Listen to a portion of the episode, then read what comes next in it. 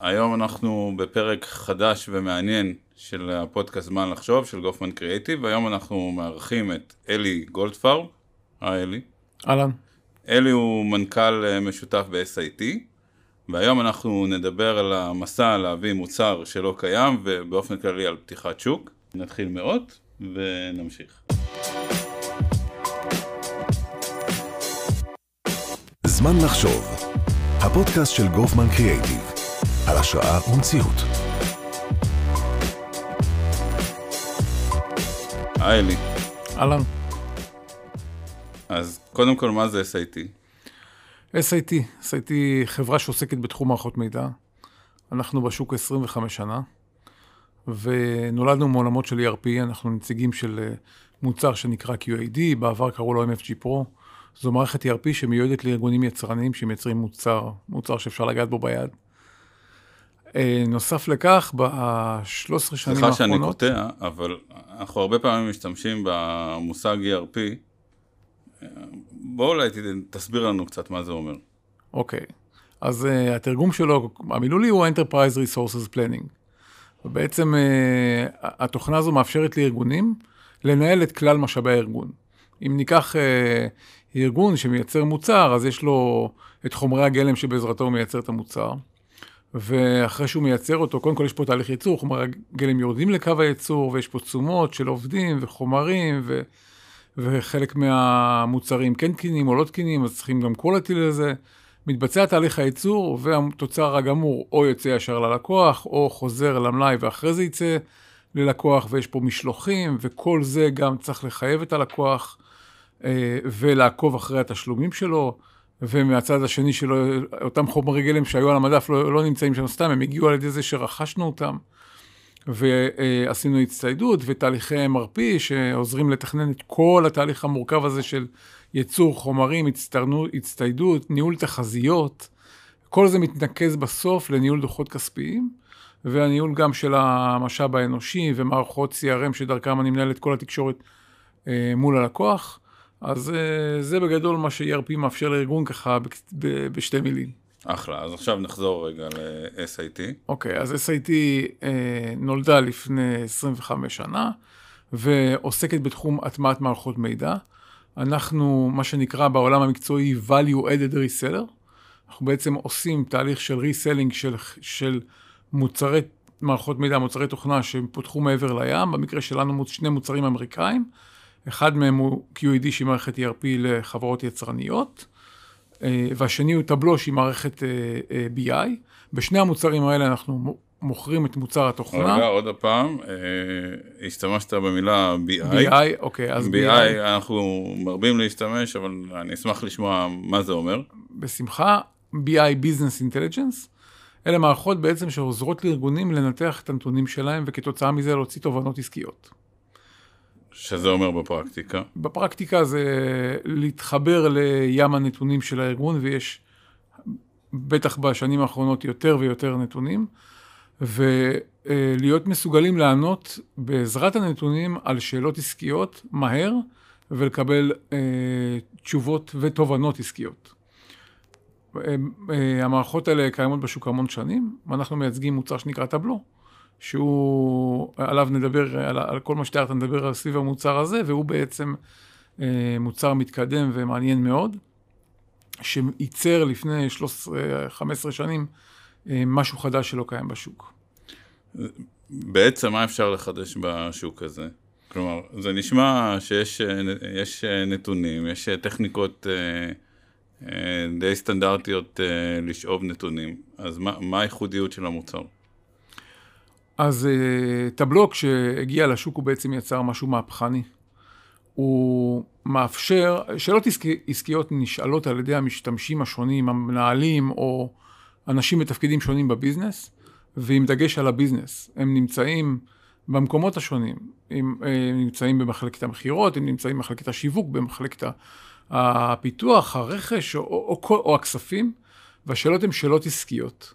ובדור הישן של המוצרים, לפני שטבלו הגיע לעולם, המוצרים, מוצרי ה-BI היו מאוד מאוד טכנולוגיים, וכל שאלה שמשתמש עסקי שאל, הוא בעצם היה צריך לפנות לגוף, ה-BI או גוף מערכות מידע, גוף טכנולוגי, שיש לו מיומנות טכנולוגית להפעיל את הכלים האלה, הם היו כותבים לו דוחות, והוא היה מפעיל את הדוחות האלה, וזה אומר שיש בעצם צוואר בקבוק, שיש איזשהו גוף בארגון שהוא תקורה, שעולה כסף, ואנחנו רוצים להחזיק כמה שפחות אתה אנשים מדבר כאלה. על אנליסטים.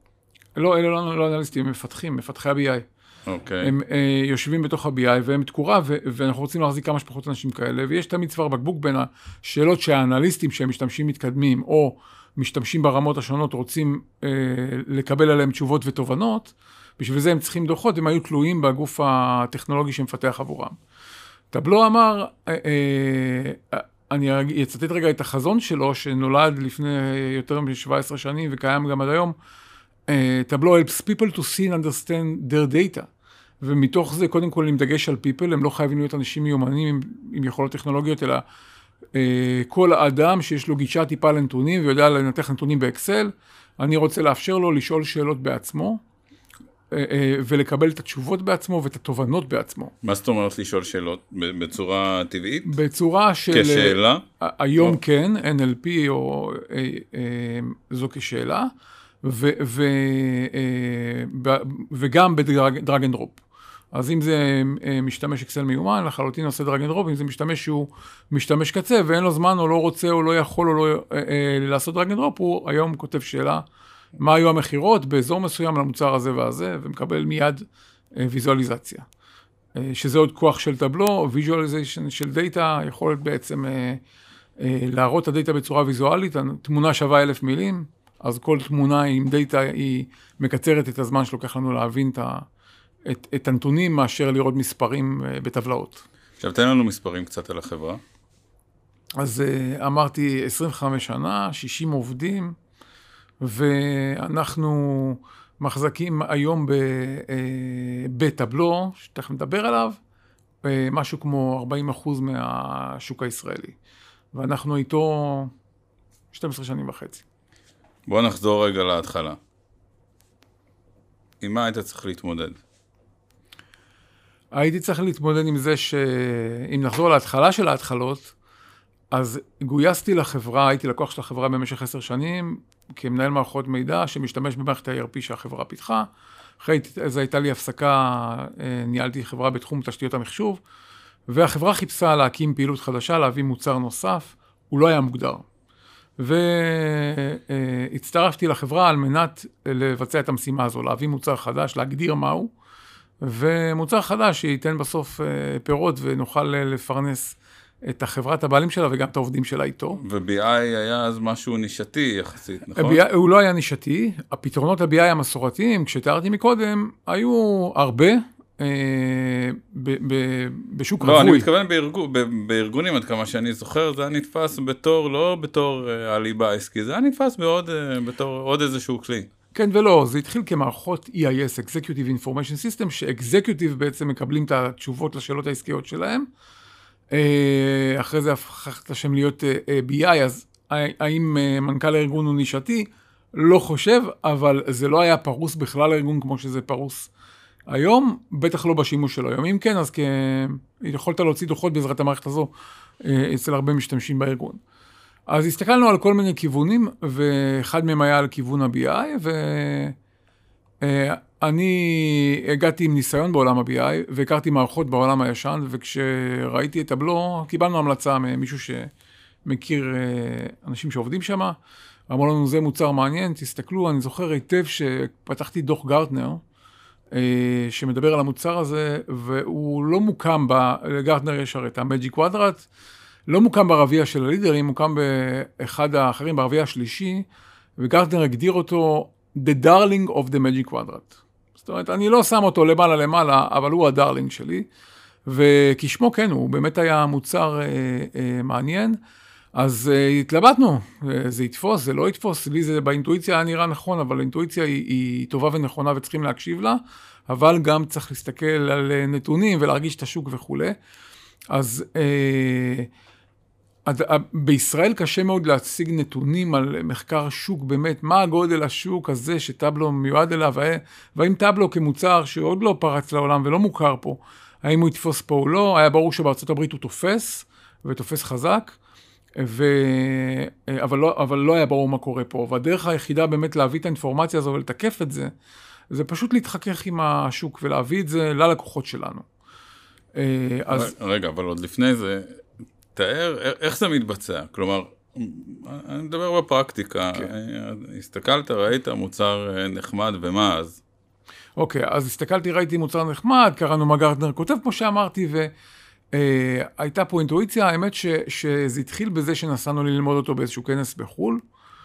אה, חזרנו משם, ובטיסה חזרה בין סיאטל לניו יורק, ישבה לידי איזה מישהי שהייתה נראית לי אשת שיחה, היה לי מה זה משעמם, והחלטתי שאני מדבר איתה.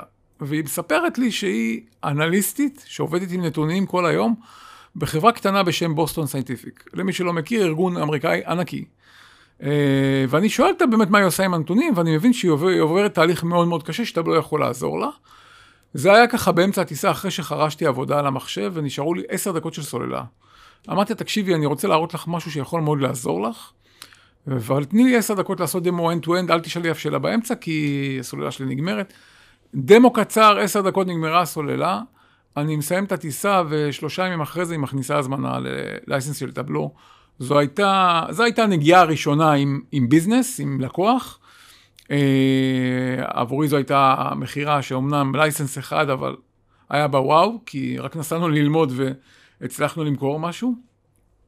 ו... אה, זו ככה אה, נגיעה של התחלה. אה, אבל באותה מידה בדיוק החלטנו שאנחנו רוצים, כמו שאמרתי, לפגוש את הלקוחות שלנו ולהראות להם.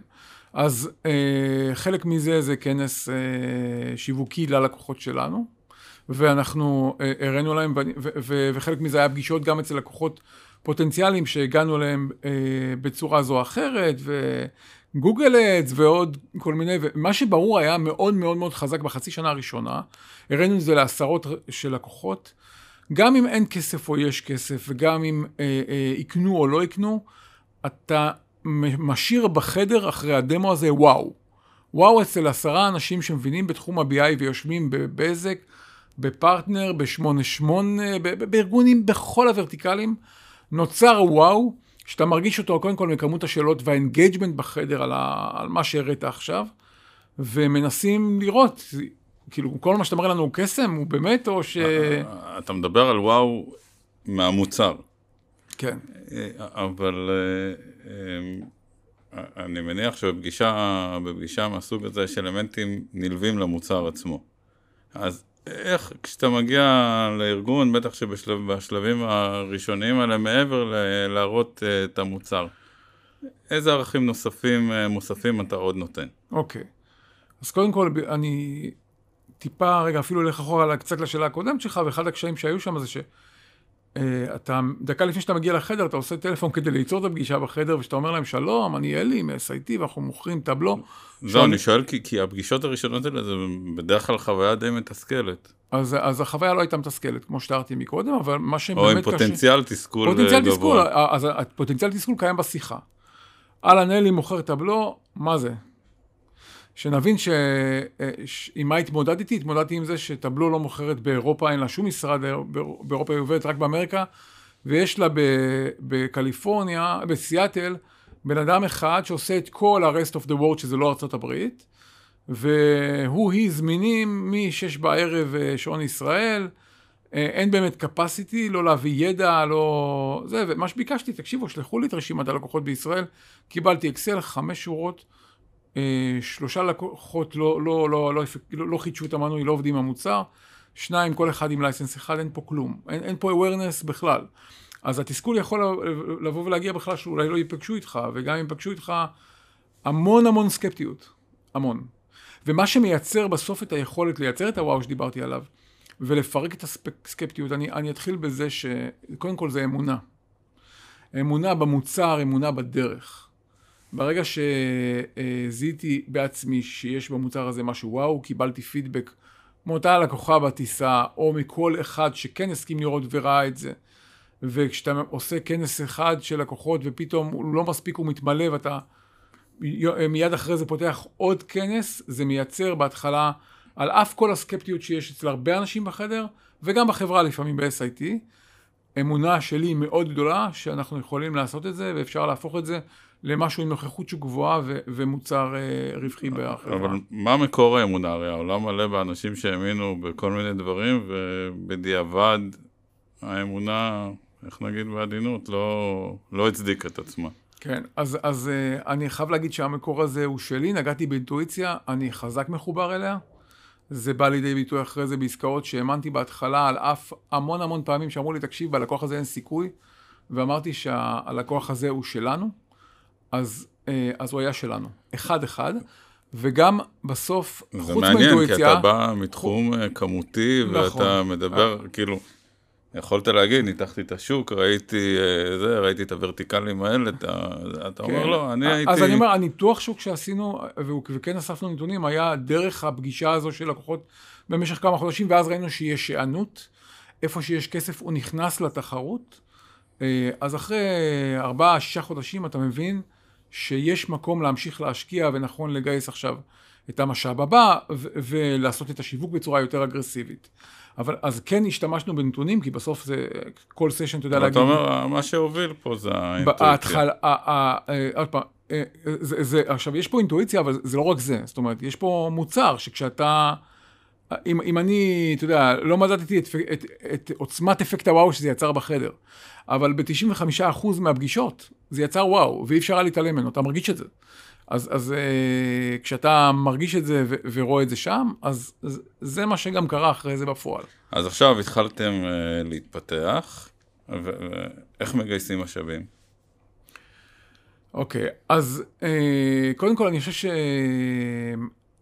שהמשאב, אחד החשובים לגייס אותו איתך, זה את הוונדור שנמצא בארצות הברית, ולא מקוון למכור לעולם, ובטח לא לישראל. אה, ברגע שניצור את ה linkage הזה בין ה vendor ובינינו, יש לנו backup שאפשר עכשיו לחשוב איך אני מגייס משאבים אה, אה, בתוך הבית. ואיך מגייסים אותו? עכשיו... הרי ישראל זה שוק קטן, נישתי.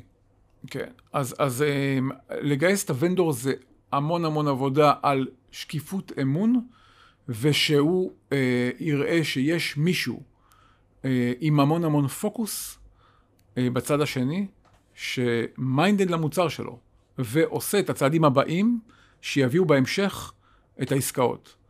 זאת אומרת, וזה אגב מחובר על איך מגייסים משאבים לשלב הבא, איך מגייסים משאבים בתוך הארגון, כדי אה, שהארגון ישים את הכסף ו- וישקיע. אז קודם כל, הארגון, באתי לארגון למזלי, לארגון פתוח שרוצה להביא עוד מוצר ולצמוח. אז הייתה נכונות של המנכ"ל אה, אה, לג- אה, לשים שם את הכסף, יחד עם זאת היה גם צריך לשכנע את הבעלים שזה המוצר, ולשים גם את הריסקים על השולחן, ולהראות איך אנחנו נותנים מענה לריסקים האלה במידה והם יבואו. וכן, יש פה ריסק. ריסק שיכול להיות שאחרי שנתיים או שלוש, נגלה שזה לא זה, ונצטרך אה, אה, לזנוח את הכיוון. ובפרט שאתה אומר ש, שבסופו של דבר הבחירה היא יותר אינטואיטיבית אז אני אומר עוד פעם, אמרתי, אני מקשיב חזק לאינטואיציה, זו לא בחירה רק על אינטואיציה. כמו שאמרתי, יש שם כל הזמן נתונים של מה אחוזי ה...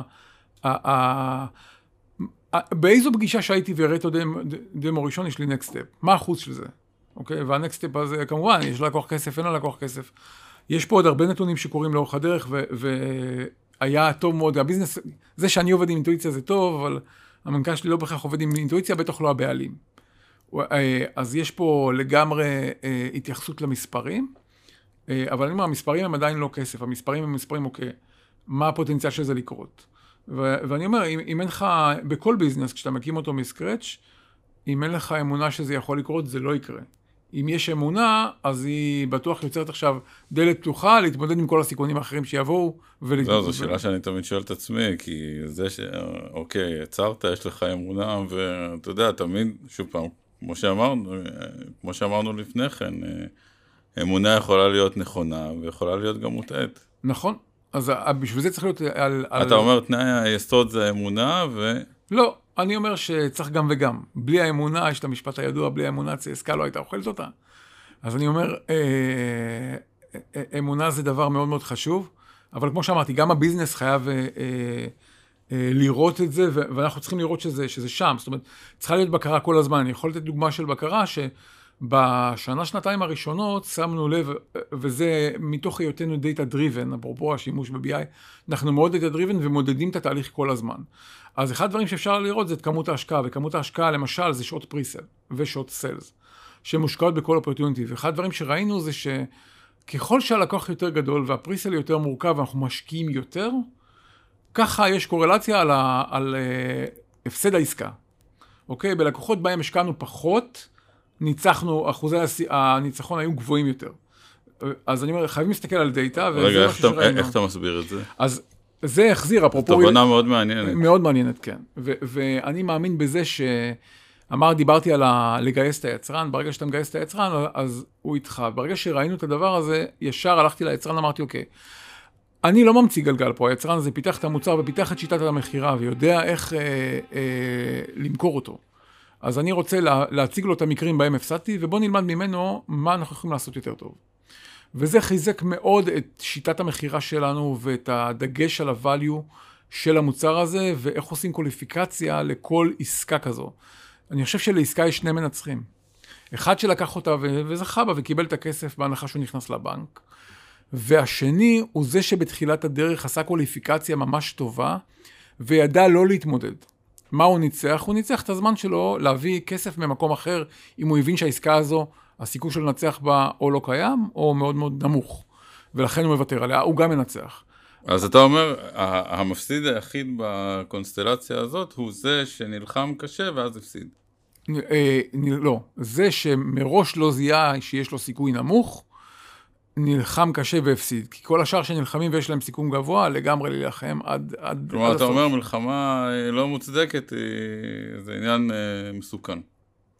כן, אם אין, אם אין לזה, וזה אפרופו, לא, כאילו, יש פה גם אינטואיציות, אבל זה, אז פה אתה חייב להסתכל על הנתונים, ו... בתהליך קווליפיקציה נכון ב, ב, של עסקה, אתה צריך להביא את הנתונים האלה ו, ולהסתכל עליהם בצורה קרה ולהגיד, אוקיי, אני מתקדם או לא מתקדם, ממשיך בתהליך או לא, ולגמרי היו עסקאות כאלה שהחלטנו שאין התאמה בין הצורך של הלקוח לצורך שלנו ו, ויצאנו החוצה. אוקיי, אז היינו, אז גייסת משאבים אה, ראשוניים. כן. ומה אז? ואז... אה, קודם כל, אה, צריכים לדעת שאתה קיים, וכדי שידעו שאתה קיים, אתה אה, עושה שיווק והרבה שיווק. אבל שיווק. זה שיווק מהזן, ה... זה B2B. נכון. ואיך עושים בעצם שיווק כזה למוצר שהוא בסך הכל, נאמר, כמות האנשים, כמות אה, אנשי הרכש, מערכות המידע שהיא בפוטנציאל לקנות אותו, היא לא גדולה כמותית. נכון, זה לא כמו, זה לא אה, כמו לקוח שקונה לא בסופר. זה לא יוגורט, כן. נכון, זה לא לקוח שקונה בסופר, אה, אבל אה, אתה מתמקד בפעילויות שיווקיות סביב זה. אז בין אם זה בדיגיטל גוגל אדס, אז אתה רוצה להיות שם שמחפשים פתרונות BI, או אם מישהו מכיר במקרה את המוצר ומחפש אותו ספציפית, אז אתה רוצה להופיע שם, אז זה ערוץ אחד. וערוצים של כנסים שלנו ללקוחותינו, או לאט לאט צברנו פוטנציאל ללקוחות, אז כנסים שאנחנו עושים. אה, ובנוסף לזה, גם כנסים בעולם התוכן הזה, שיש למשל ארגון שנקרא אה, אנשים ומחשבים, שעושה אה, כנסים בעולם הזה, וכשיש לך אפס awareness, אז הוא יכול לעזור לך להפיץ את השמועה. באמת תמיד עניין אותי מה מידת האפקטיביות של כנסים. אז אני מדבר, יפה, אז הכנסים האלה... כי. על פניו זה נראה נורא אמורפי כזה. אני, אני מסכים, ויש, ואפרופו data driven וה-ROI, יש נקודות שאתה בוחן לא להשתתף בכנסים מהסוגים האלה, כי לא תמיד יש ROI. אבל בנקודה הזו שאין awareness, אז הכנסים האלה מייצרים awareness, ואני חושב שבנושא הזה של שיווק באופן כללי, בעולם של B2B, אה, אני לא מכיר עולמות אחרים, אתה צריך אה, להסתכל גם על השורט רן וגם על הלונג רן. זאת אומרת, המדידה של ה-ROI לא יכולה להיות תמיד אך ורק על, ה, על השורט רן, כמה באמת, במרחק מאוד צמוד לכנס או לפעילות השיווקית, כמה פאנל יצא מזה ומה ממש קינברתי אה, לעסקאות בוון, והאם זה באמת החזיר את ההשקעה, כי אני יכול להגיד לך שהיה לי מקרה שלקוח מאוד גדול בעולם ה... אה, חברת בנייה בעולם הנדל"ן, שהגיע אליי וזכיתי בו שנתיים אחרי הכנס, שבכנס היה הייתה איזו יועצת שאני זוכר את הפרצוף שלה עד היום, שהיא הייתה אצלי בדוכן ושאלה מלא שאלות. אבל זה אפרופו האמונה, זאת אומרת, נורא קשה לעבוד עם עולם שיווקי שבו אתה לא רואה כל כך קשר או קשר עשיר בין אה, סיבה לתוצאה. אז יש קשר של סיבה לתוצאה, הוא פשוט לוקח זמן. מה שאני אומר, אני, אתה צריך, ההתחלה הייתה בזה שאני, אוקיי, אני משקיע כסף במקומות האלה בשביל ליצור awareness, שידעו שאני קיים. ו, וזה יצר את זה, זה יצר. אני חושב שמה שהצביע הכי חזק, אה, זה מאמץ מאוד גדול אה, בעצם לטפס את ההר הזה, זה וואחד ההר לטפס על מנת ליצור את ה-awareness הזה. והיה לי איזשהו חלום, כל פעם שהייתי, כל פעם בדחיפה, כאילו, אני משדר לעולם על זה שאני קיים, היה לי איזה חלום שיום אחד תגיע השיחה הזו, לא בגלל שחיפשו בגוגל, אלא פשוט תגיע השיחה, שלום, שאמרנו שאתם מוכרים את הבלו, בואו להציג לנו. זהו, אז ההשקעות ב-awareness הן השקעות שנורא נורא קשה להסביר אותן. אה, נכון, אבל עוד פעם, כשאתה נכנס למוצר שלא קיים פה ואתה רוצה לפתוח שוק, אתה צריך להשקיע, וחלק מההשקעה, אתה תדע אם היא הייתה נכונה או לא בדיעבד. אם, אתה יודע, מי שלא מנסה, לא טועה. אז אין ברירה, בעסקים זה, זה א', ב', שאתה צריך לנסות דברים, וחלק מהם יצליחו וחלק לא. ולא הכל הצליח בשיווק, וגם לא הכל הצליח במכירות, אבל בסוף בבוטם ליין, התוצאה הכוללת, שהצלחנו להחדיר את המוצר הזה. כן, אבל זה לא תחום, נניח אתה מתעסק ב-awareness, בתחומים ש, שאתה צריך ליצור את עצם הביקוש. עצם הביקוש היה קיים, לאו דווקא למוצר הזה. נכון. זאת אומרת, לא הכנסת לתודעה את זה ש-BI, אה, שיש מוצרי BI ומוצרי BI הם חשובים.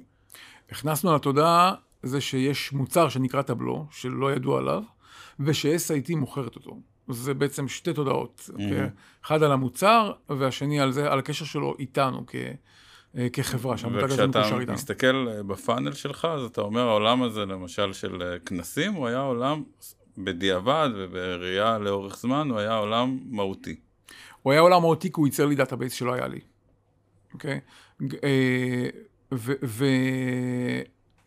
ובסופו של עניין, אני אומר, התחלתי לספר, הגיע הרגע אני זוכר את עצמי בדיוק איפה עמדתי בדירה שלי, שנכנס הטלפון הזה שחיכיתי לו, שאהלן אלי, שלום, אני משה מה, ושמענו שאתם מוכרים טבלות, תבואו להציג. Uh, הסיפוק שלי שם היה גבוה כמו לסגור עסקה במיליוני דולרים.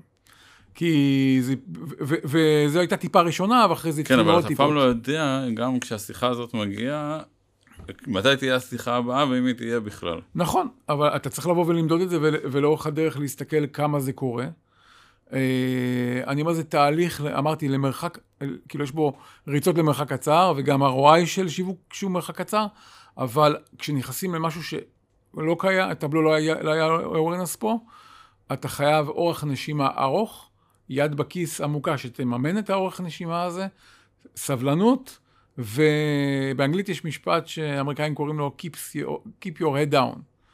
התמדה, להמשיך... אה, כאילו, לא ראש בקיר, להמשיך ללכת בתלם, כן, להרים את הראש מדי פעם, אה, לקחת אוויר, ולקחת אוויר מבחינתי זה להסתכל איפה אני נמצא, גם בדאטה, גם... אבל המרחק באמת בין אה, ראש בקיר לבין, אה, אה, לבין אה, ללכת בתלם הוא, הוא מרחק מאוד אה, קטן ושברירי. אה, נכון, בשביל זה אני אומר, צריך להסתכל כל הזמן איפה אתה נמצא. זאת אומרת, ללכת בתלם, אבל לא, זה כמו, מה שבא לי עכשיו לראש זה שחיין ששוחה.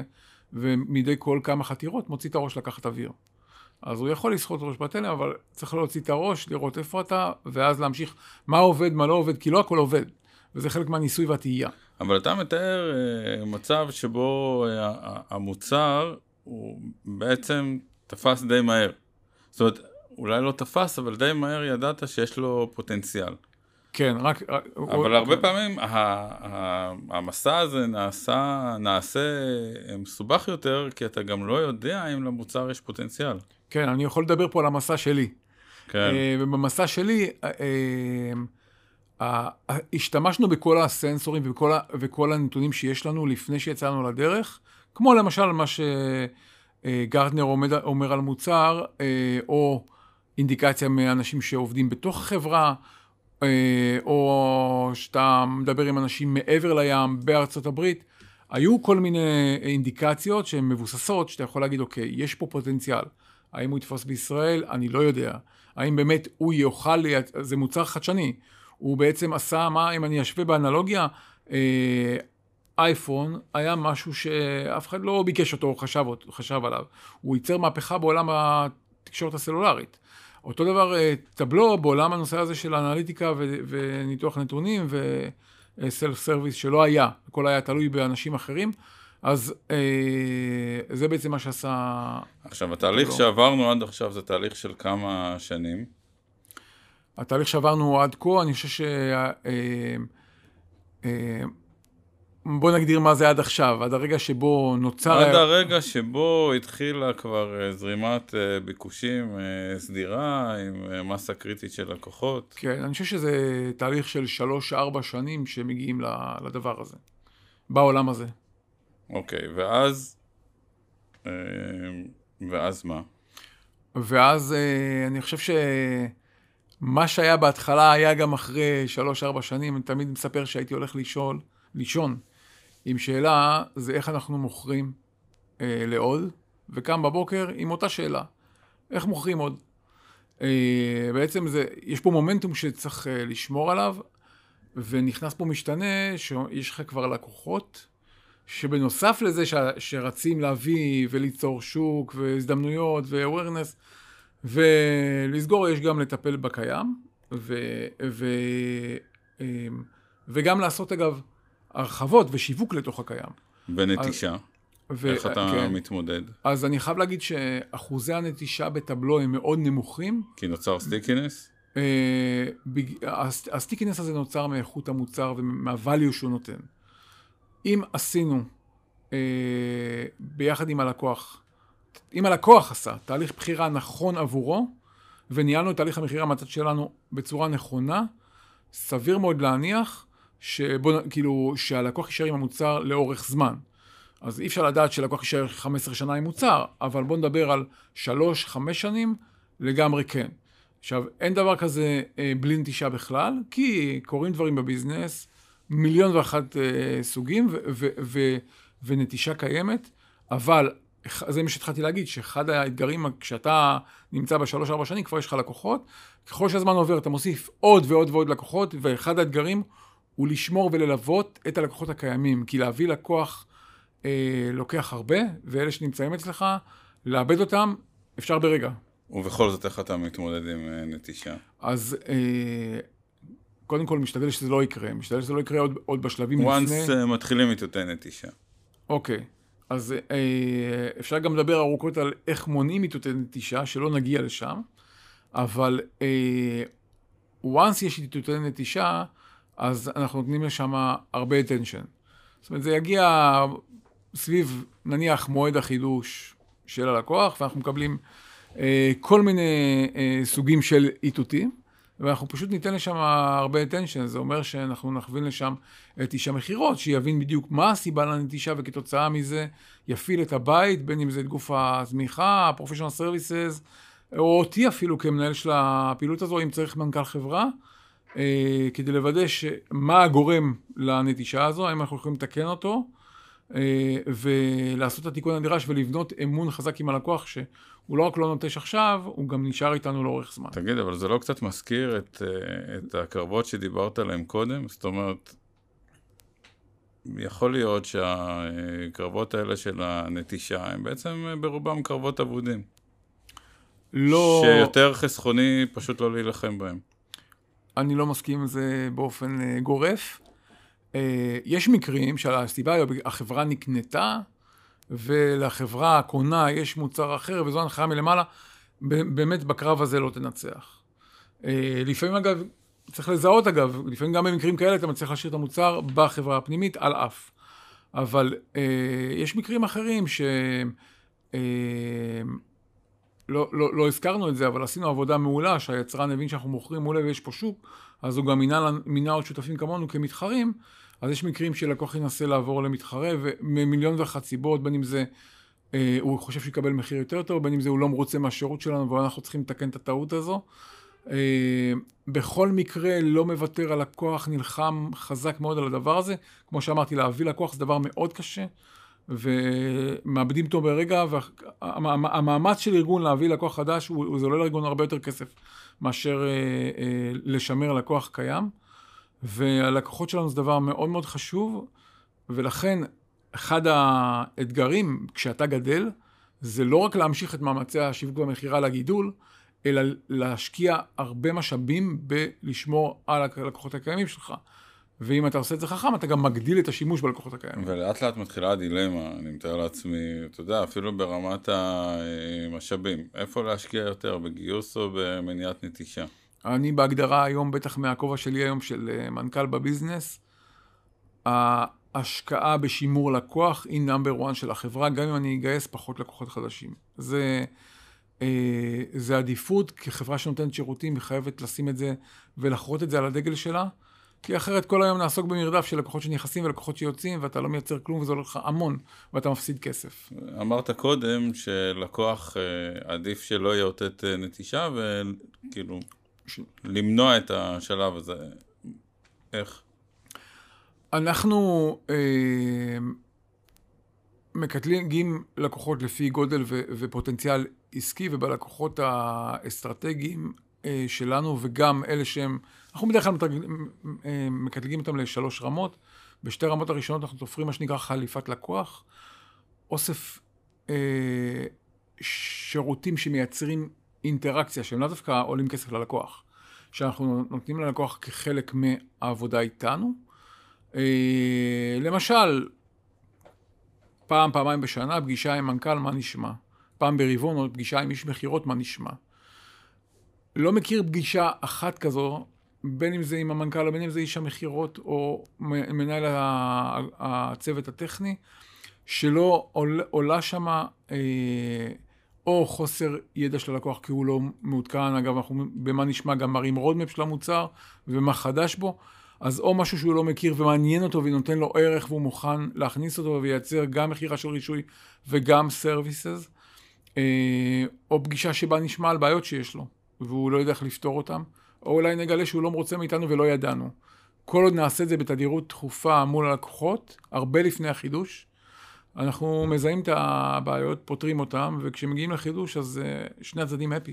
תגיד, ולמרות שהמוצר הוא מוצר uh, טכנולוגי, עד כמה אתה מרגיש שהדברים הם אישיים? כלומר, תלויים ב, במערכות יחסים בין אנשים, במוצר בסוף, הספציפי הזה. Uh, אני חושב שזה... זה, uh, כאילו... אני אקח את זה ברשותך לצד השלילי, בסדר? אם דיברנו כן. על נטישה, עד כמה נטישה יכולה לקרות בעקבות זה שנושא משרה א' מתחלף בנושא משרה ב'. כן. מה שתיארת עכשיו זה לאו דווקא שלילי, זה אובייקטיבי. זאת אומרת, זה משהו שהוא, אין פה איזה... קרה, א' התחלף בב'.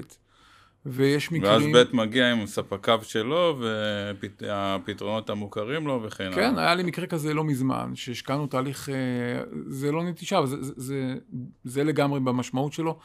השקענו בתהליך מכירה מול חברת אה, ביטוח מאוד גדולה, השקענו שם המון שעות, ושבועיים שלושה לפני הסגירה של העסקה, אחרי שכבר הוחלט שטבלו הוא המוצר הנבחר, אה, התחלף שם מנהל, הוא מכיר מתחרה שלנו שעוסק בעולמות האלה, ואמר לי, תשמע, אין לי משהו רע אליך. אנחנו בחרנו את המוצר הזה, אני יודע שעשית פה תהליך, אבל אה, זה שוק חופשי. אני מכיר אותם המון שנים, אני סומך עליהם, זה לא שאני לא סומך עליך. בתהליך שאני נכנס אליו עכשיו בתוך הארגון, אה, זה, זה השיקול שלי ואני הולך איתם. לא מתסכל? סופר מתסכל. סופר מתסכל. וניסינו לעשות את כל מה שאפשר מכל הכיוונים, כולל אה, אה, שיחות שלי עם מקבלי החלטות אצל הלקוח ומעורבות של הוונדור. בסוף אסור לנו לשכוח שהלקוח הוא הלקוח, וזכותו בשוק החופשי הזה אה, לבחור. זה לא קורה כמעט בכלל, אבל דברים כאלה יכולים לקרות. ומה שחשוב זה שבכל נקודת זמן אני יודע להגיד, אוקיי, עשינו את המקסימום, ולמחרת בבוקר אני צריך לאסוף את התסכול הזה ולהמשיך... אני אגיד לך, מה שמתסכל פה, זה שזה, אה, בסיטואציות האלה, זה שזה אה, נכון אם אתה מדבר על שוק של קוטג'ים. זה שוק של אה, מיליוני, שוק משוכלל עם מיליוני צרכנים, אבל פה אתה מדבר על שוק שהוא לא כל כך משוכלל, ועם כמות קטנה מאוד של מקבלי החלטות בסופו של דבר, וגם עם קשרים, קשרי אינפורמציה ביניהם. כן, אז אה, אה, זה נכון, אבל בסוף אה, השוק הוא שוק. בעולם, זה עולם העסקים. העולם שלנו הוא כזה, שאני יכול להרוויח מפה ו- ו- ולהפסיד מפה, ואני חושב שאתה חייב להיות אופטימי ולשמור על אופטימיות. אז אמרתי, להכיל את הרגע הזה של התסכול היום, ולעשות את מה שאתה צריך עם עצמך, עם הצוות. זה מתסכל בבית, אגב. אני, בתור מנכ"ל בחברה, חטפתי את התסכול הזה, לא רק שלי כמובן, אלא מכל מי שהיה מעורב בתהליך המכירה, ומכל אלה שהיו אמורים לדלבר אחרי זה סרוויס וליהנות מההכנסה הזו. אז זה, אה, ואני חושב שאנחנו כארגון צריכים לדעת להכיל את התסכולים האלה, ואנחנו מספיק חזקים, אה, וצריך לעשות את הדברים הנכונים בתוך הבית, כדי אה, לקום מחר בבוקר, או בעוד יומיים, לתת להם מקום על התסכול הזה, אבל באיזשהו שלב להמשיך הלאה ולהביא את הלקוח הבא. ואגב, גם פה יש אמונה, יש מקרים שלקוח בוחר אה, פתרון, או עובר לפתרון בצורה של נטישה, אה, שהוא אחר טכנולוגית, והיו לא מעט מקרים שלמדתי עם הזמן להגיד, אוקיי, לא בחר אותי, הפסדתי את זה, או עבר ל, הוא יחזור. לא יודע מתי הוא יחזור. והוא חזר. היו מקרים של לקוחות חוזרים. אז יש, יש מכל הכיוונים וכל הדברים, וצריך לדעת להכיל את התסכול הזה ולהמשיך קדימה. זה הביזנס. בוא נדבר קצת על עובדים, עוד לא דיברנו. כן. איך אתה בוחר עובדים? אה, זה מתחלק למספר אה, רבדים. קודם כל, בראש ובראשונה, זה הבן אדם, מי הוא ב- באישיות שלו, וחשוב לנו לאתר את אלה שמביאים את הפוטנציאל. אבל איך אתה מאתר, אה, אני לא מדבר על הכלים הפורמליים כן, בסוף, על אה, כן. מבחני פילאט וזה, כן. אלא כשאתה נפגש עם עובד פוטנציאלי, כן. איך אתה מאבחן אותו? אז בסוף יש פה את הרעיון האישי ואת החיבור איתו ואת כל ה... כל מה שלא תעשה חוץ מהכלים הפורמליים שהזכרת, לדבר, אתה יודע, להפעיל את הנטור שלך ולברר, ו... אבל, אה, אה, או למשל, אם זה מישהו שהוא סטודנט ומגיע בלי ניסיון, אז יש, יש דרכים אה, להבין איך זה היה באוניברסיטה, ו... סליחה, איזה פוטנציאל יש בו. בסוף אני אומר, אה, הבן אדם שהוא, מי הוא כבן אדם, ואת זה אתה יכול אה, עד גבול מסוים, כן? פה- גם פה יש ריסקים ויש סיכונים. אה, לנסות לאתר ברעיון מי הוא, מה הוא מביא איתו, מה הגישה שלו, אה, ואותה גישה כבן אדם הוא יפעיל גם בעבודה עצמה, ולאו דווקא מה הניסיון שיש לו, או מה הוא יודע בדיוק. אני לא צריך בן אדם שידע טבלו, אני צריך שבן אדם שתהיה לו גישה וכיוון וראש פתוח. זה ברעיון עבודה מקצועית, החלק השני אתה לגמרי אה, יכול לראות על ידי כל מיני מקרים שאתה שואל ואתה רואה, איך הבן אדם חושב ולמה הוא מגיע, ואני חייב להגיד ש- שב-SIT יש אה, יחסית, אחוז הטעויות שם הוא מאוד נמוך, ו, ועוד דבר שמאוד חזק אצלנו, גיל הממוצע של העובדים ב-SIT הוא מעל עשר שנים. זה מספר חריג, במיוחד בשנים האחרונות, בשנתיים האחרונות המספר הזה לא השתנה. בגילאים, גם גיל-. במגוון של גילאים? כן, זאת אומרת, אנחנו עכשיו... אה, כי מנהל- היום אנחנו מדברים על דור ה... לא יודע, אני כבר איבדתי ספירה, על כן. דור ה-Z נקודה, נקודה כן. שתיים, כן, ובדור בדור ה-Z נקודה שתיים אנחנו נדמה לי מדברים על שנה ותשעה חודשים, או שנה וחצי, או משהו כזה למשרה. כן, אז אני חייב להגיד שב-SIT יש משהו שהוא מאוד משפחתי, ומשאיר את העובדים, אני, אם נסתכל על, על הגיל שלהם, אז אתה תראה מנעד מאוטוטו יוצא פנסיה, דרך חבר'ה בני 20 וקצת שסיימו אוניברסיטה ובאו לעבוד אצלנו, ועל ידי תרבות ארגונית, אנחנו אה, מצליחים להשאיר אותם אצלנו באופן יחסי לאורך זמן. אה, ישבתי אצל לקוח, שהיה לקוח עבר ועבר לחברה אחרת, ושמע שאחד העובדים שלי, שהוא מקצוען בטבלו, אה, עזב, הוא עבד איתו הרבה. אז הוא שאל אותי, מה קורה אם אני אעבוד איתך, אין לי את הבחור ההוא. אז אה, אמרתי לו, תשמע, אתה צודק, אבל הוא עבד אצלנו תשע שנים. תשע שנים, זו לא חברת הייטק קלאסי שמפתחת מוצר, אה, you name it, כן, ironSource, בסוף אתם. חברת, חברת שירות. נכון, והחשיפה של העובדים האלה להרבה חברות מעניינות היא גבוהה. לשמור תשע שנים עובד בעולם תוכן כזה, זה וואחד challenge, אה, אבל אנחנו יודעים לעשות את זה. אז אה, אנחנו, זו אינדיקציה אגב על מנגנון הגיוס שלנו. ובכל זאת, אם אתה מסתכל על דור ה-Z נקודה כן. אחד אה, מול אה, דור ה-Z והדורות שלפני, אה, איזה שוני אתה מאתר? אה, אה, אז ברור אם שהם- בכלל. כמובן שיש שוני. וברור שהם אה, רואים יותר what is it for me, מאשר אחרים, אני חושב, אבל גם שם, גם יש יוצא דופן, שהם איתך all the way, ו, ואנחנו גם צריכים להתאים את עצמנו למנגנון, היינו צריכים להתאים את עצמנו למנגנון גיוס של מגייס הרבה יותר מהר, ולא נמרח בתהליך, ויודע להביא אותם אלינו, ויודע גם לשמור עליהם ולתת להם את המענה למה שהם צריכים, כי אלה החיים, והשוק משתנה, כמו שטבלו שינתה את השוק, גם העובדים משנים את השוק. אז... אלה, אנחנו מתקרבים לסיום, וככה לקראת סיום, רציתי לשאול אותך איך אתה רואה את SIT, נניח, כמה שנים קדימה. אוקיי. Okay. ובכלל, קצת הזכרת את תחום הבינה המלאכותית. איך תחום הבינה המלאכותית משתלב uh, בתחום ה-BI או בתחומים אחרים? כן. אז uh, SIT כמה שנים קדימה, אנחנו עמלים בימים אלו בלמצוא את המוצר הבא ולהכניס אותו, ואנחנו... מסתכלים על הרחבת העסקים שלנו מימין ומשמאל, זאת אומרת, גם מוצרים שמשיקים לעולם הזה של, של דאטה ו-BI, וגם מוצרים שמשיקים לעולם ה-RP שעוסקים בתהליכים עסקיים. Uh, ואנחנו עם הפנים קדימה על מנת להגדיל את הפעילות שלנו, כמו שהבאנו מוצר שלא היה והיום נמצא ומהווה בערך 40% מהחברה, אז המטרה היא זה uh, להמשיך את הגידול הזה. אה, אז, אה, אז אני רואה את החברה לגמרי גדולה ומתרחבת ו, ו, אה, וממשיכה עוד הרבה שנים קדימה. זה מהצד הזה. מהצד של הנושא הזה של AI ואיך הוא משתלב, הוא, הוא משולב לגמרי בצורה מאוד מאוד חזקה. הארגון, ארגונים היום משתמשים בדאטה שלהם על מנת להפעיל AI בהמון המון סצנריואים. אז קודם כל מבחינת, אה, יש הרבה מוצרים, בסוף הארגון אוסף דאטה, ו-BI זה קשור לעבר.